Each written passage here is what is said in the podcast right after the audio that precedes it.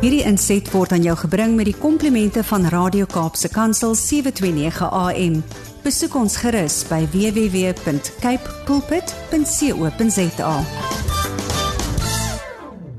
Goeiemôre liefste luisteraars en baie baie welkom by nog 'n insetsel van Geestesgesondheid net hier op Radio Kansel en Kaapse Kansel. My naam is Gerda Kriel, kliniese sielkundige van Somerset West. En vanoggend gaan ek met julle praat oor 'n onderwerp wat ek dink baie moeilik is om oor te praat as ons gelowiges is. Ons gaan hierdie hele maand praat oor egskeiding. Wat is die impak op ons? Wanneer moet ons skei? Hoe weet ons ons is by die einde van ons huwelik? En dan ook net om aan die einde van dit alles saam te vat oor is dit moontlik om te skei op 'n manier wat ten mindere mate impak op ons kinders en op ons families gaan hê. Nou, uit 'n gelowige perspektief uit of as 'n Christelike perspektief uit, is die vraag dikwels mag 'n mens skei? Wanneer mag jy skei? Wat sê die woord van die Here?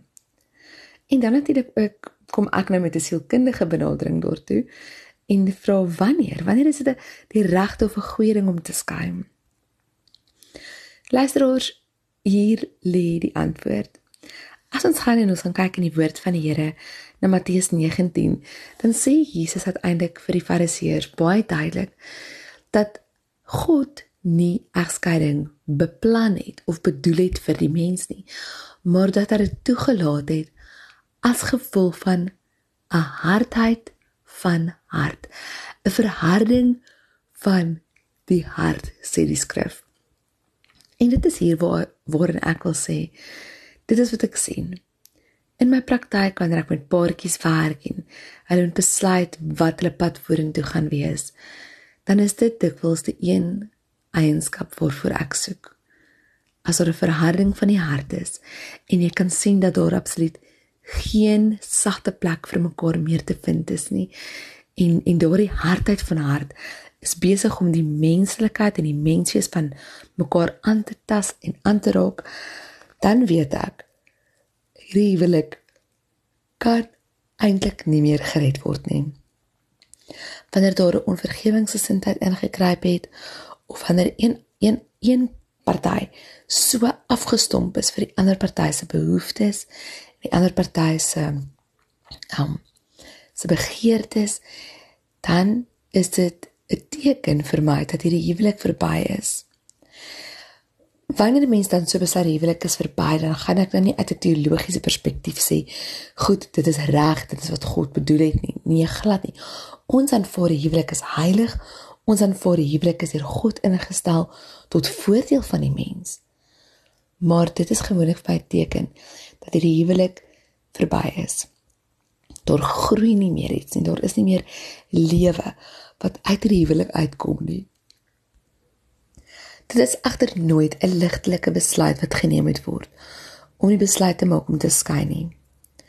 Gewoonlik wanneer paartjies by my uitkom vir huweliksterapie, dan is hulle al deur verskeie jare se probleme. Ek moet eerlik wees, ek het nog nooit 'n paartjie gesien wat net ewe skielik besluit het. Hulle is nie meer lewensmaat nie, hulle wil skei nie. Hierdie besluit word gewoonlik gemaak wanneer hulle gevoel het dat oor 'n tydperk van 'n lang, lang tyd is daar absoluut onverzoenbare verskille. Hulle het miskien nie heeltemal 'n onverzoenbare gedagtes oor kinders grootmaak of onverzoenbare gedagtes oor finansies of familie. En alles kom net tot 'n sekere punt waar hulle uitdink gee daaraan en sê, nou kan ons nie meer nie. Die konflik tussen ons is te groot, die verskille tussen ons is te groot en ons is besig om mekaar op so 'n manier af te takel dat ons uiteindelik elkeen 'n dop van 'n mens is.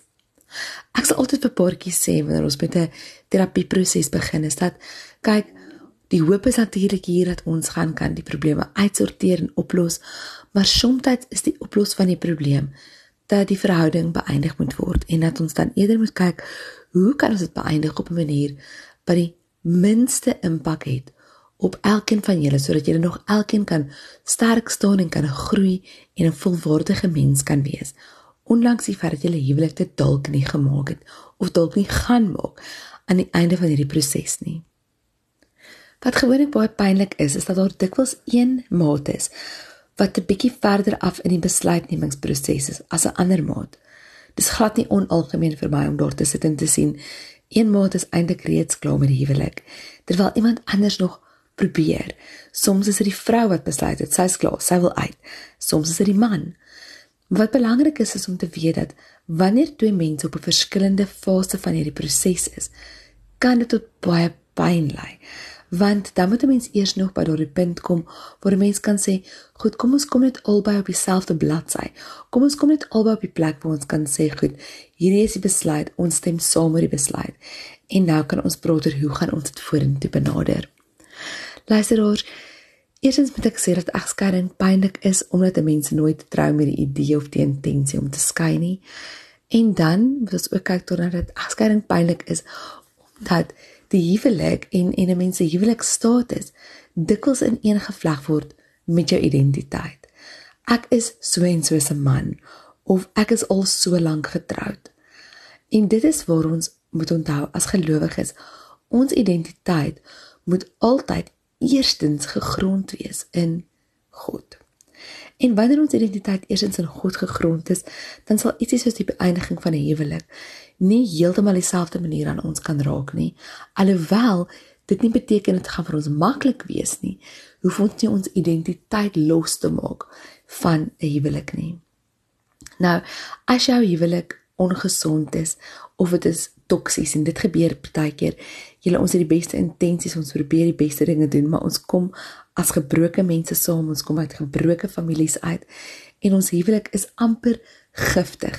Dit wat ons aan mekaar doen, dit wat ons met mekaar ehm um, hoe ons met mekaar handel, dit wat ons vir mekaar sê, is regtig giftig. Die dit is uh, die atmosfeer raak van so 'n aard dat ons regtig eintlik besig is om sewe ander van die Here se goeie gebooie te verbreek deur by mekaar te bly. Dan is dit tyd vir jou om jou huwelik in oënskou te neem en te sê is dit nog goed vir ons om by mekaar te wees. Een van die mites hierso is dat ons by mekaar moet bly ter wille van die kinders. En hier luisteraars wil ek julle uitdaag met die gedagte. Ja, kinders het beide ouers nodig. Maar wat 'n kind baie sleg is en wat vir 'n kind baie sleg is, is as die ouers se konflik van so 'n aard is dat dit alles wat die kind sien, alles wat die kind aan blootgestel is, Nou as jy en jou maat nie julle verskille kan resoleer op 'n manier wat rustig is en nog steeds respekvol is nie, dan moet ek vir jou vra, dink jy regtig dit is in die beste belang van jou kind om in 'n atmosfeer te wees waar hulle so blootgestel is aan konflik en so blootgestel is aan die afbreek en die aftakel van mekaar dat hulle eintlik nie weet hoe lyk gesonde huwelik nie. Ek werk soms met individue wat my sal sê, my ouers het nooit geskei nie, maar ek wens hulle wou. Ek wens nog steeds hulle wil. Want want om rondom hulle te wees is so erg, so ongesond. Dis my verskriklik om te sien hoe my pa my ma verneder voor mense of dis my verskriklik om te sien hoe my ma my pa uh, heeltemal by die knie afsny wanneer ons by mense kuier. Ons kinders kyk die hele tyd Nou, as jy wil werk aan jou huwelik en jy is dalk op daai punt wat jy voel jy moet jy 'n plan maak, gaan praat met 'n geestelike leier of met 'n terapeut of iemand.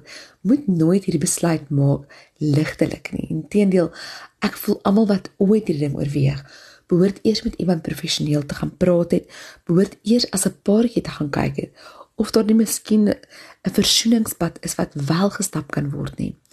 Maar luister ons baie baie belangrik kry professionele insette. En kyk of dit moontlik is om dalk nog 'n verskil te maak aan jou huwelik. En ek wil hierby sê, ek het al gesien hoe huwelike amper van die dood af terugdraai, metafories, wat herroep word, wat herreis word, word daar regtig 'n tweede kans kom waar paartjies kan sê, ons het nie geweet ons huwelik kan gered word nie. En tog hier is ons. Ons draai die ding op sy kop ons doen dinge anders nou. En dit is altyd wonderlik om te sien en dis net die Here wat dit kan bring. Maar as dit nie jy is nie, as dit nie jou huwelik is nie, luisteraars, kuier dan hierdie maand saam met ons om te kyk hoe egskeiding kan plaasvind op 'n manier wat nog steeds die beste belange van almal in, in gedagte hou en uiteindelik ook weet dat ons in hierdie proses steeds God se aangesig kan vra sodat ons steeds heel kan wees aan die einde van hierdie baie pynlike proses. Ek kuier die res van die maand saam met julle oor hierdie baie moeilike tema. En ek wil ook vir ons luisteraars sê, julle wat reeds daardeur is, jy wat daar sit en jy is deur 'n baie pynlike egskeiding, ons wil graag van jou ook hoor. Stuur vir ons 'n boodskap na die ateljee toe en aan die einde van die maand sal ek en ander 'n bietjie saamgesels en 'n bietjie vrae antwoord of ja, na die beste van ons vermoë. Weereens hierdie gesprek is nie bedoel om 'n baie komplekse teologiese gesprek te raak oor of gelowiges moet skei nie. Dit is om te sê dat as jy wat 'n gelowige is, by daardie punt is vir jou huwelik onherroepelik nie meer gered kan word nie. Hoe kan ons die beste pad vorentoe vind vir jou? Mag die Here julle seën en mag julle regtig introspeksie doen hierdie maand oor julle huwelike En ek bid natuurlik ook vir elke huwelik. Ek bid dat die Here se seën daar sal wees, dat die Here harde harte sal sag maak en dat ons uiteindelik sy eer sal bring hier op aarde. Tot volgende keer luisteraars. Totsiens. Hierdie inset was aan jou gebring met die komplimente van Radio Kaapse Kansel 729 AM. Besoek ons gerus by www.cape pulpit.co.za.